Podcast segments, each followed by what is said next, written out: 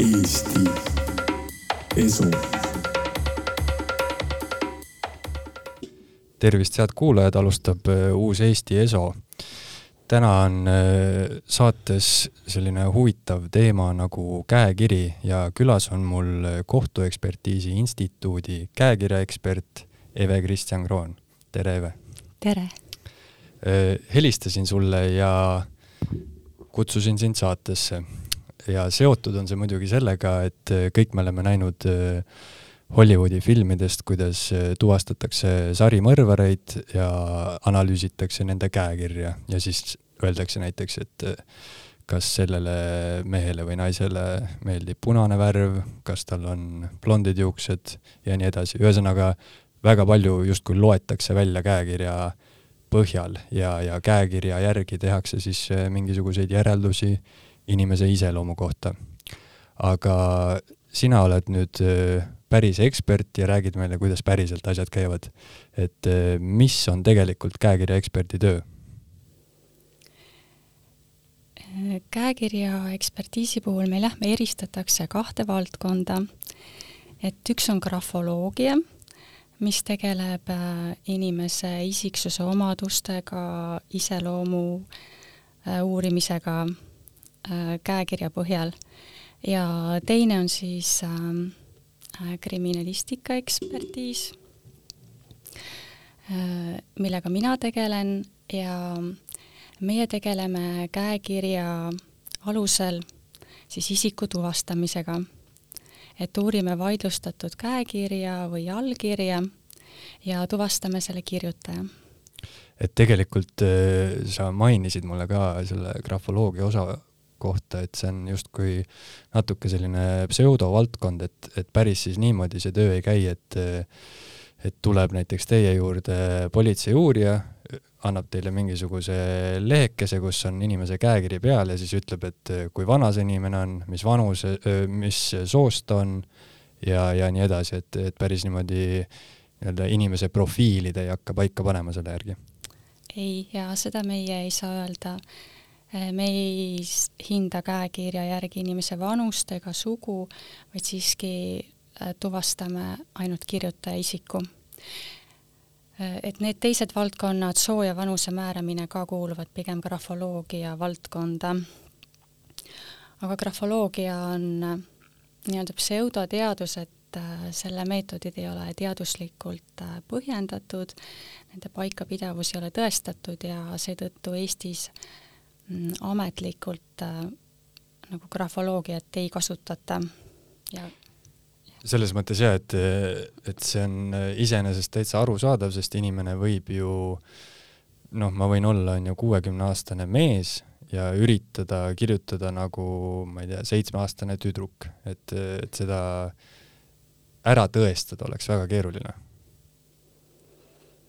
jah, ilmselt küll aga üleüldse, kui me räägime käekirjast, siis äh, kas käekiri on äh, justkui sõrmejälg, mis on äh, igal inimesel kordumatu ja seda on noh, väga raske siis järele teha?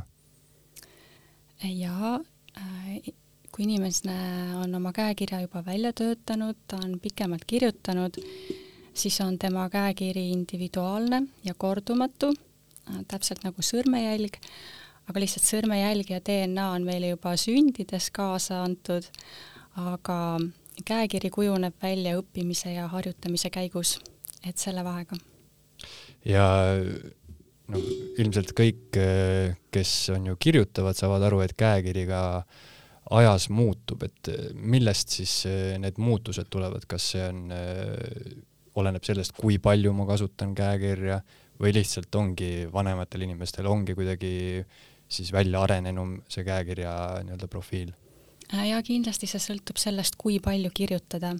et mida rohkem inimene kirjutab, seda väljatöötatumaks käekiri muutub, seda rohkem tekib äh, inimesele iseloomulikke ja ainult temale omaseid käekirja tunnuseid. ja jah, seetõttu ka vanematel inimestel aja jooksul äh, võib käekiri muutuda, kuna muutubki järjest lihtsamaks, kirjutamiskiirus läheb suuremaks, tähed võivad muutuda lihtsamaks ja siis äh, muutubki käekiri.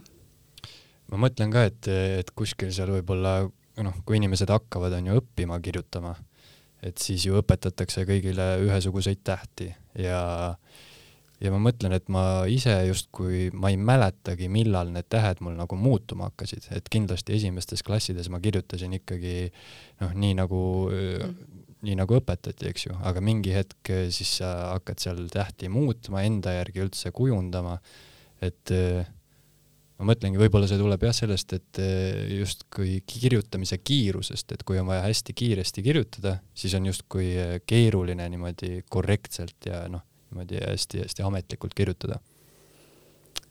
jaa, et meil ju Eesti koolides äh, kõik lapsed õpivad alguses kirjutama täpselt ühesuguse tähestiku järgi, täpselt ühesuguste tähekujude järgi, aga hiljem siis ikkagi igalühel kujuneb välja oma isiklik individuaalne käekiri ja see, milliseks äh, kellegi käekiri kujuneb, sõltub äh, selle inimese närvisüsteemist, Äh, füsioloogilistest omadustest, käeehitusest, et ühele inimesele osutuvad kiiremateks ja kergemateks ühed liigutused, teistele teised, igaüks valib need, mis on just temale kõige käepärasemad, mugavamad kirjutada.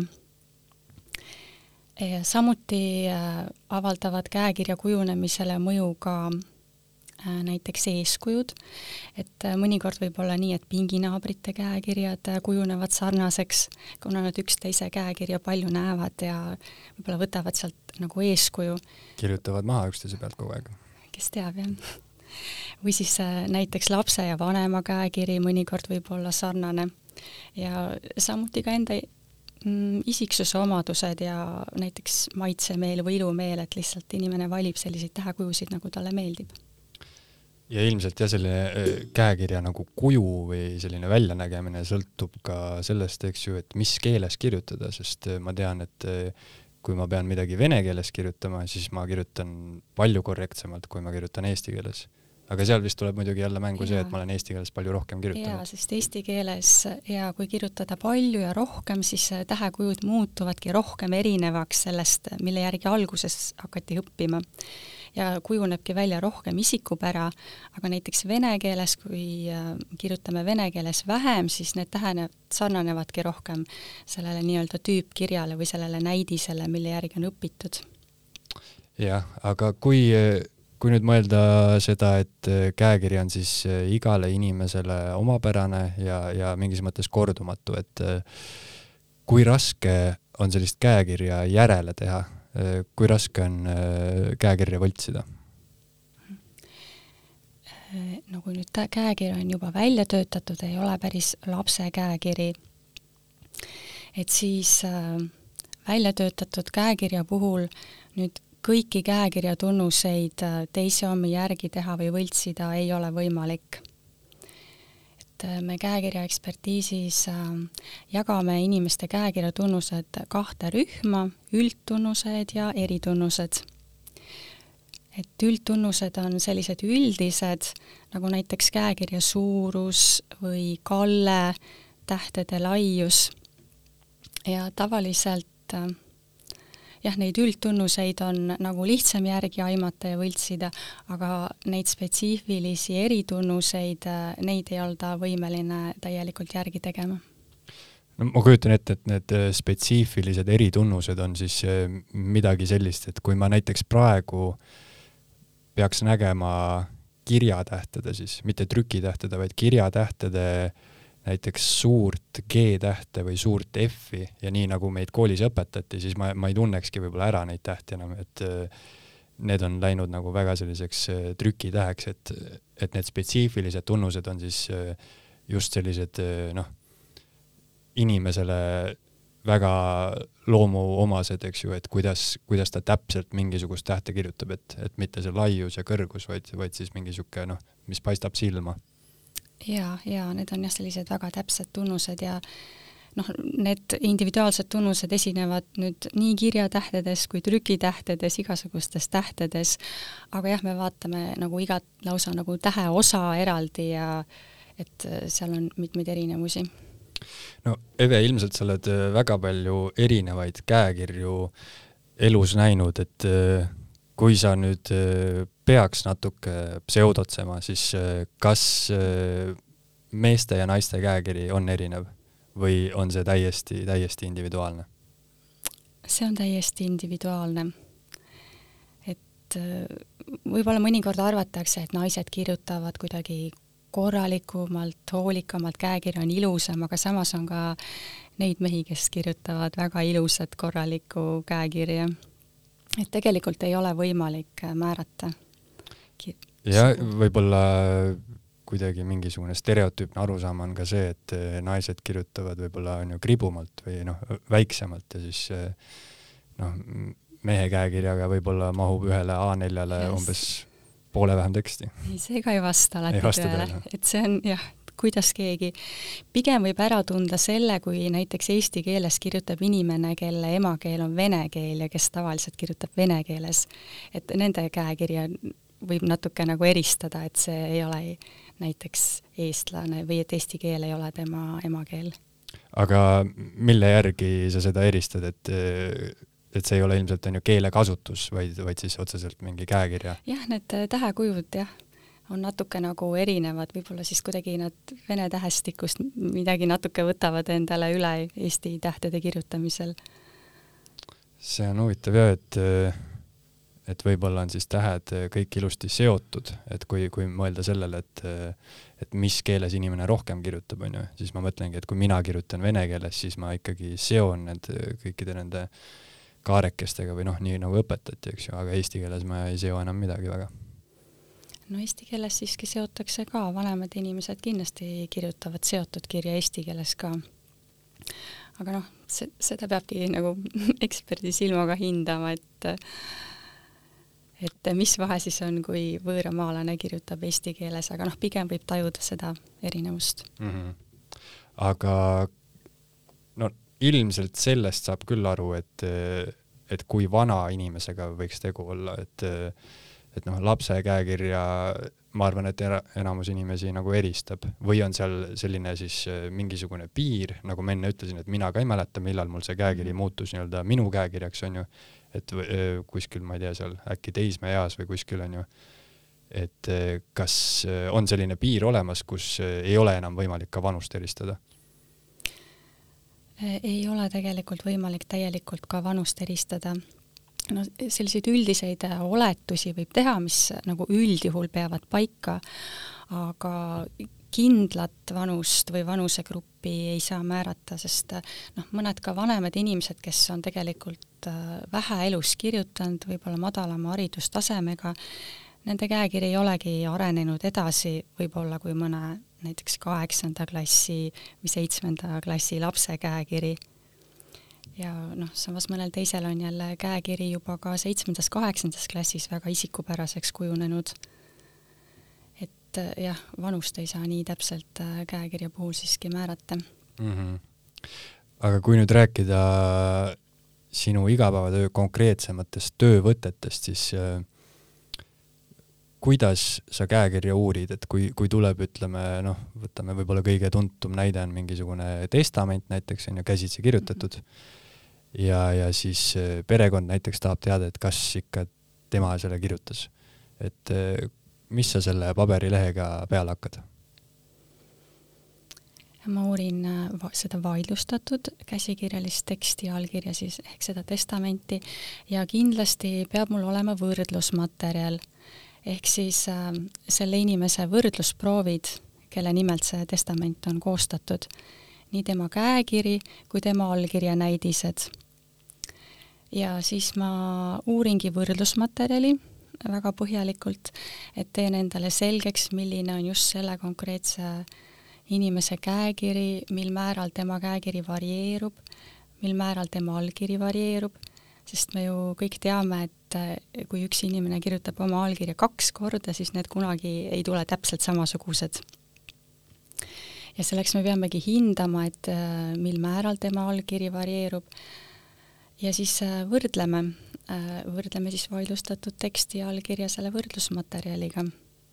kas see selline algne analüüs, et, et kui sa vaatad selle inimese käekirja, et kas see, et kuidas see täpsemalt toimub, et kas sa vaatad, ma ei tea, näiteks iga, igat A-tähte sõnas või, või jaa, et äh, me võrdleme kõiki tähti omavahel ja me saamegi võrrelda igat tähte ainult teise sama tähega, ehk et siis A-tähte me saame võrrelda ainult A-tähega, P-tähte ainult P-tähega, suuri algustähte ainult sama suure algustähega ja niimoodi ja me võrdleme kõiki tähti niimoodi omavahel ja samuti siis allkirja allkirjaga ma olen märganud, et mina teen äh, sellist asja, et ma kirjutan neid samu tähti erinevalt, e, erinevates sõnades. ma arvan, et see vist sõltub sellest, mis täht on seal kõrval, et kuidagi käe sisse on harjunud, et äh, tõesti vahepeal on A ühtemoodi, vahepeal täiesti teistmoodi. et mis, mis sellisel juhul teha ja võib küll olla nii ja mõned inimesed kirjutavad näiteks sõna lõpus tähte kuidagi teistmoodi või lõpetavad Täpselt, teistmoodi. et äh, sellepärast ongi meil äh, see võrdlusmaterjali kogus hästi oluline, et me peamegi kõigepealt kindlaks tegema, et kuidas inimene ise kirjutab, et äh, mismoodi ta kirjutab oma tähti sõna keskel või sõna lõpus. Ja siis me saame hinnata, et kas see vaidlustatud tekst on täpselt samasugune või on seal mingid erinevused, mida tegelikult inimene oma käekirjas ei kasuta? jah, et inimene võiks olla põhimõtteliselt nagu ikkagi terve tähestiku ära kasutanud nendes, nendes materjalis, materjalides, mida siis uurida, eks ju, et kui noh. võrdlusmaterjali peab olema jah nii palju, et seal ikkagi esineksid kõik tähed ja veel mitu korda ja allkirjaproove samamoodi ikka ütleme kümme näidist et äh, kui nüüd tegemist ei ole testamendiga ja mingi muu juhtum, kus äh, inimene on elus veel, et siis politseiuurija võtab ka alati eksperimentaalproovid, et lihtsalt lasebki kirjutada allkirju ja lasebki kirjutada täpselt sedasama teksti, mis on vaidlustatud mitmeid kordi, et siis on nagu veel lihtsam võrrelda, et seal on kõik tähed ja sõnad olemas. aga jah, kui on testamendiga tegemist, siis tuleb varasemaid, kas mingeid avaldusi või isiklikke märkmeid võrdlusmaterjaliks mhm. esitada mm. -hmm. no testament on võib-olla näide, mis tuleb paljudel kohe pähe, aga, aga millised äh, juhtumid üldse veel jõuavad käekirja eksperdi lauale?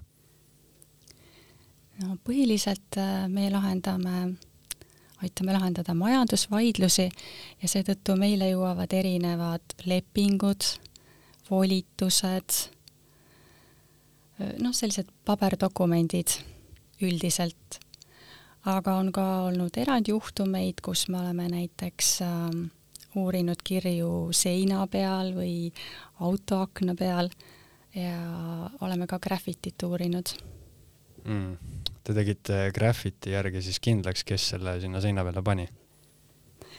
no graffitiga on nii, et päris äh, inimese käekirjaga, tavalise käekirjaga me seda võrrelda ei saa, kuna graffiti stiil on ikkagi niivõrd erinev, nagu selline kunstiline väljendusviis, aga graffitit saab võrrelda teiste, teise graffitiga, et me saame siis kindlaks teha, kas graffitid erinevates kohtades on tehtud näiteks sama isiku poolt või erinevate või erinevate gruppide poolt ja sellisel viisil nagu neid objektide rikkumisi nagu omavahel siduda.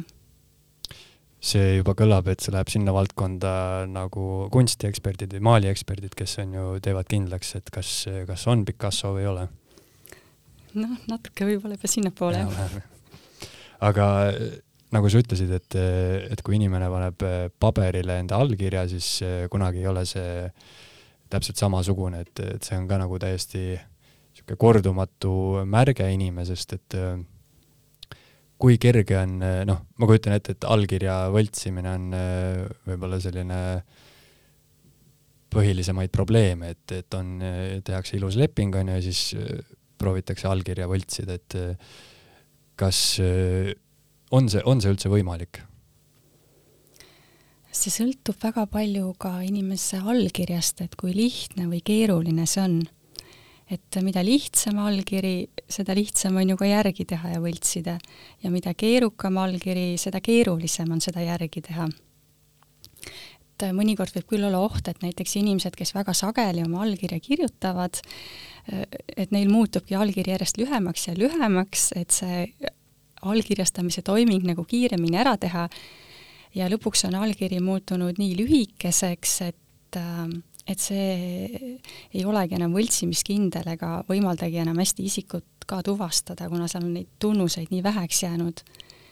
et seetõttu on ka iga inimese oma vastutus, et ta kirjutaks oma allkirja võimalikult pikalt ja keeruliselt, et kellelgi ei oleks võimalik seda võltsida ja et see oleks turvaline siis on seal niisugune huvitav paradoksaalne vastuolu, et mida rohkem kirjutada, lihtsalt teksti kirjutada käekirjaga, seda justkui keerukamaks ja isikupärasemaks käekiri läheb, aga mida rohkem mm -hmm. allkirju anda, seda lihtsamaks see läheb, et no ilmselt ja kõik teavad, et on olemas allkirju, mis on põhimõtteliselt üks niisugune kaareke ja midagi muud ei olegi, onju.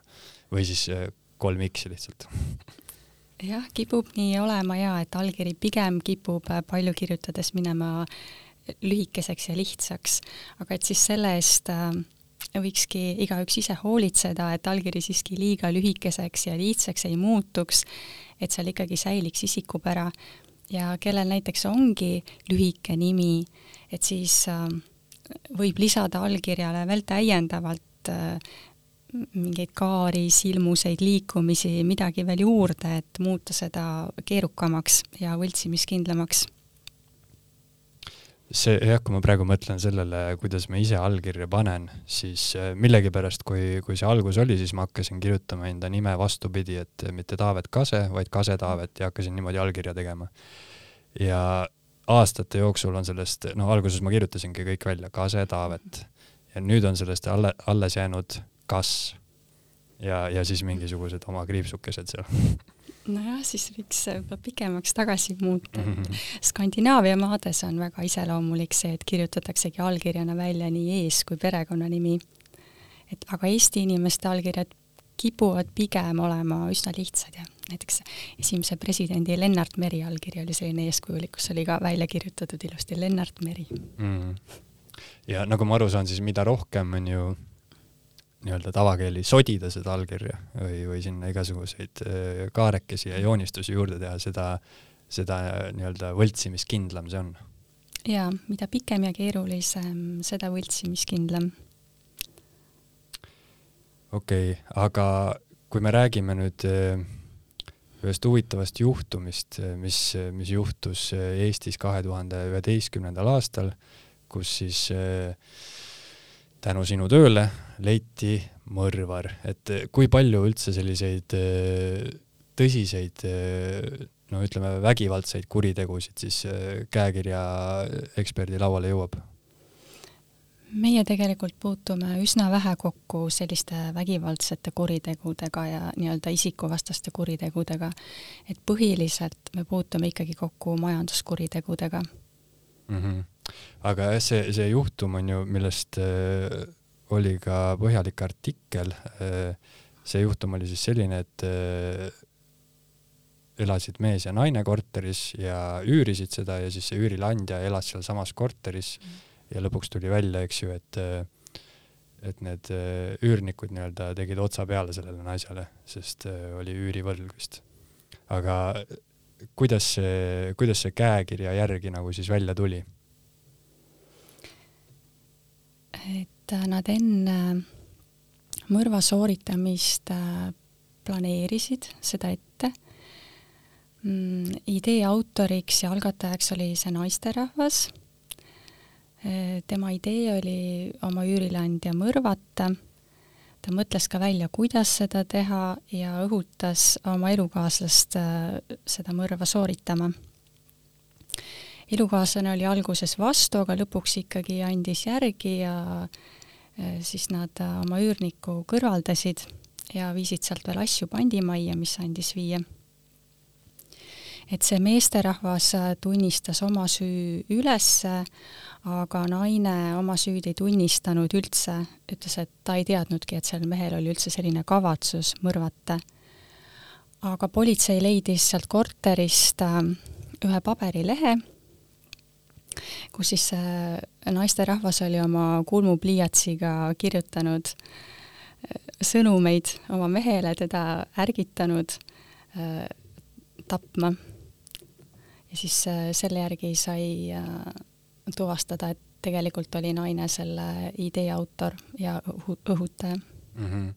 ja see protsess siis võis välja nähagi umbes selline, et et lasti on ju nii mehel kui naisel on ju kirjutada ja siis, siis te tegite nagu kindlaks, et, et noh, kel, kes mida kirjutas seal, eks ju.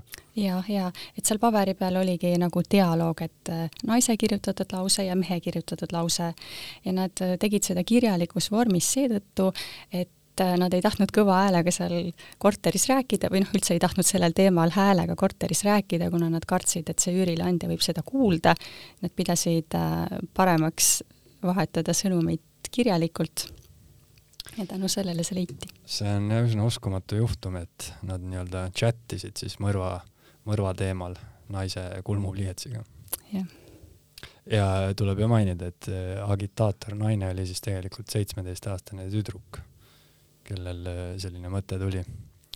aga jah, et äh, see, see tuletaski mulle meelde võib-olla sellist äh, stereotüüpset arusaama, noh, mida me näeme, on ju, erinevates filmides, et, et kuidas äh, sarimõrvarid, kes, äh, kes tahavad ikkagi ka natuke kuulsuse janu, äh, saadavad näiteks pressile erinevaid teateid ja, ja siis on seal niimoodi ajalehe, ajalehe tükkidest välja lõigatud tähed, et justkui nagu käekirja siis varjata, eks ju.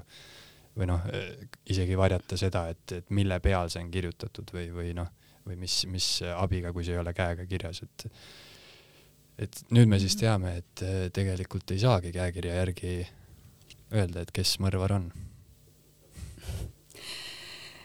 jah, ainult käekirja, ainult seda anonüümset kirja vaadates ei saa, aga kui tekib keegi kahtlusalune ja temalt käekirjaproovid kogutakse, siis ikka saab kindlaks teha, kas oli tema või ei olnud no ilmselt jah, sellel on, sellel nii-öelda kogu valdkonnal on sellised äh, hallalad onju, sest äh, noh, loogiliselt mõeldes igaüks saab aru, et äh, et mu käekiri võib olla teistsugune, kui ma olen ütleme teistsuguse iseloomuga või, või kasvõi teistsuguses meeleseisundis, et, et kui ma olen väga ärritunud, ilmselt mu käekiri on natuke teistsugune kui on ju tavapärane. Või siis noh, kui ma olengi äh, kui ma olen näiteks äh, psühhopaat, siis võib-olla tõesti mu käekiri on nagu teistsugune, kui, kui on ju, ma ei tea, tavalisel inimesel. et noh, midagi justkui nagu äh, mingisugust infot võib-olla nagu saab sealt välja imeda, aga, aga ma saan aru, et, et see ei ole nagu noh, ei ole reglementeeritud, et mingeid suuri järeldusi teha ei saa. jah, seda nüüd päris nii öelda ei saa, et psühhopaadil või mingite kalduvustega inimestel oleks nüüd kindlasti mingit tüüpi käekiri kuidagi teistest erinev, et noh, see võib olla nii või naa. aga teatud äh, meeleseisundid küll jah, inimeste käekirja mõjutavad, et näiteks nagu sa ütlesid, et erutus või näiteks joove, narkojoove või siis ka lihtsalt äh, kui on kirjutatud kuskil väga ebamugavas asendis või külma käes, et käed on kohmetunud, et äh, sellised tegurid küll mõjutavad käekirja ja ma käisin äh, suvel käisin äh, sellises kohas nagu pime ruumis, kus ma olin äh, kaks päeva järjest olin täiesti kottpimedas ja siis ma kirjutasin seal erinevaid mõtteid ja siis oli huvitav valguse käes näha, et kuidas nagu see noh, kuidas ma kirjutan niimoodi noh, täiesti kõveralt ja noh, ei ole mm. mingisugust sellist koordinatsiooni käekirjas. ja noh, nägi tõesti välja nagu, nagu mingisugune viieaastase lapse käekiri et jah, siis on, need on need halvad tingimused. aga kui, kui mõelda sellele metoodikale, mida kasutada, et siis eh, näiteks seal artiklis oli vist eh, kirjas, et et te teete nagu mikroskoobi all lausa kindlaks, et mis suunas pliiatsid tõmma-, eh, tõmmati, et kuidas seda on võimalik kindlaks teha? jaa, mikroskoobis me vaatamegi kõiki allkirju, vajadusel ka tekste, suurte suurendustega ja jah, siis me näeme seal, et mis suunas on liikumised tehtud. et ja ka seda me saame teha ainult originaaldokumentide puhul, et koopiate, koopiaid me ei saa niimoodi mikroskoobis uurida, et need tunnused ei tule seal välja, et seetõttu on ka alati oluline, et meil käekirja ekspertiisi saadetakse originaaldokument, et näiteks lihtsalt sisse skaneeritud koopia ei ole samaväärne originaaliga ja et kui on see tint ikkagi seal paberi sees on ju, et ja. siis seda on võimalik näha, et, et kui palju tinti mingis kohas või? no seda pasta jah, eriti on pastapliiatsiga mm -hmm. vaadata neid tunnuseid mikroskoobis. et seetõttu on ka jah oluline, et et võib-olla mõned firmad äh, tahavad äh, palju originaaldokumente endale sisse skaneerida ja nendest paberitest võib-olla üldse vabaneda, et siis alati on mõistlik hoida igaks juhuks alles ka kõik äh, originaaldokumendid, kus on allkirjad peal. Sa mainisid, et pastapliiatsi käekirja on kergem analüüsida, et kas näiteks hariliku pliiatsiga tehtud käekiri, kas see, seal on nagu mingisugused ohukohad või, või seda on kuidagi keerulisem kindlaks teha? No tegelikult ei ole, kõiki originaaldokumente ikkagi saab hästi mikroskoobis uurida ja neid kindlaks teha, lihtsalt võib-olla pastaga on võib-olla see natukene lihtsam, aga aga saab loomulikult ka teha kindlaks siis kondiindipliiatsiga või harilikuga. siia lõpetuseks äh, ma mõtlen, et äh, see selline käekirja eksperte ei ole just väga palju, et äh, kuidas saada käekirja eksperdiks, mida selleks õppima peab või kas selleks üldse saab midagi õppida? jah, meil Eestis on praegu kokku neli töötavat käekirja ekspertiis, eksperti. ja seda eriala kuskil kõrgkoolis otseselt õppida ei saa, aga saab õppida koha peal kogenud äh, käekirja eksperdi juhendamisel ja meie asutuses ongi nii, et äh, kes soovib eksperdiks saada, siis minimaalselt kaks aastat on väljaõppeperiood, kus siis eksperdiõpilane õpibki kogenud käekirja eksperdi juhendamisel. et see on nii-öelda, nii-öelda põlvest põlve niisugune rändav ikkagi amet, et, et kui viimane käekirja ekspert ära kaob, siis ega keegi ei oskagi seda teha enam. no vast niipea veel ei kao aga, aga kuigi käekirja ja kirjutamist väheneb küll. ja ma mõtlengi, et ka Eve, kas sa sellepärast ei muretse, et sul varsti enam tööd ei ole, sest eh, noh, kui mõelda sellele, et kui palju me käsitsi kirjutame, noh siis see langeb on ju kogu aeg, et eh, nüüd me ikkagi trükime põhiliselt.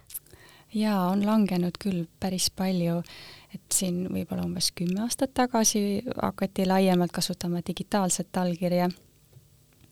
et siis ka eh, see hulk oluliselt äh, vähenes, et ütleme, võib-olla meil on praegu kuskil poole vähem ekspertiise aastas kui kümme aastat tagasi.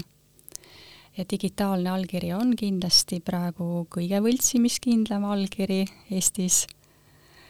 et äh, soovitan kasutada pigem digitaalset allkirja. kas see on isegi võltsimiskindlam, kui oli Lennart Mere allkiri? Äh, jaa ja digitaalne allkiri on Eestis kindlasti kõige võltsimiskindlam allkiri. aga need, kes tahavadki võltsida, need siis ikkagi kasutavad võimalust ja kirjutavad paberi allkirja, sest võltsija valib alati selle, mis talle on kõige lihtsam. Ja kuna digitaalset allkirja on keerukam võltsida, siis need, kellel ongi kavatsus juba midagi petta või võltsida, siis nemad kirjutavad käsitsi ja noh, seetõttu meil ka tööd ikka veel jätkub nii et äh, veel muretsema ei pea. aga igatahes aitäh sulle, Eve, et tulid ja selgitasid natuke käekirja, käekirjamaailmast meile, mis seal siis toimub, eks ju. ja inimestele siis soovitaks kasutada digiallkirja ja mitte võltsida. jah. aga aitäh sulle! aitäh! Eesti Eso.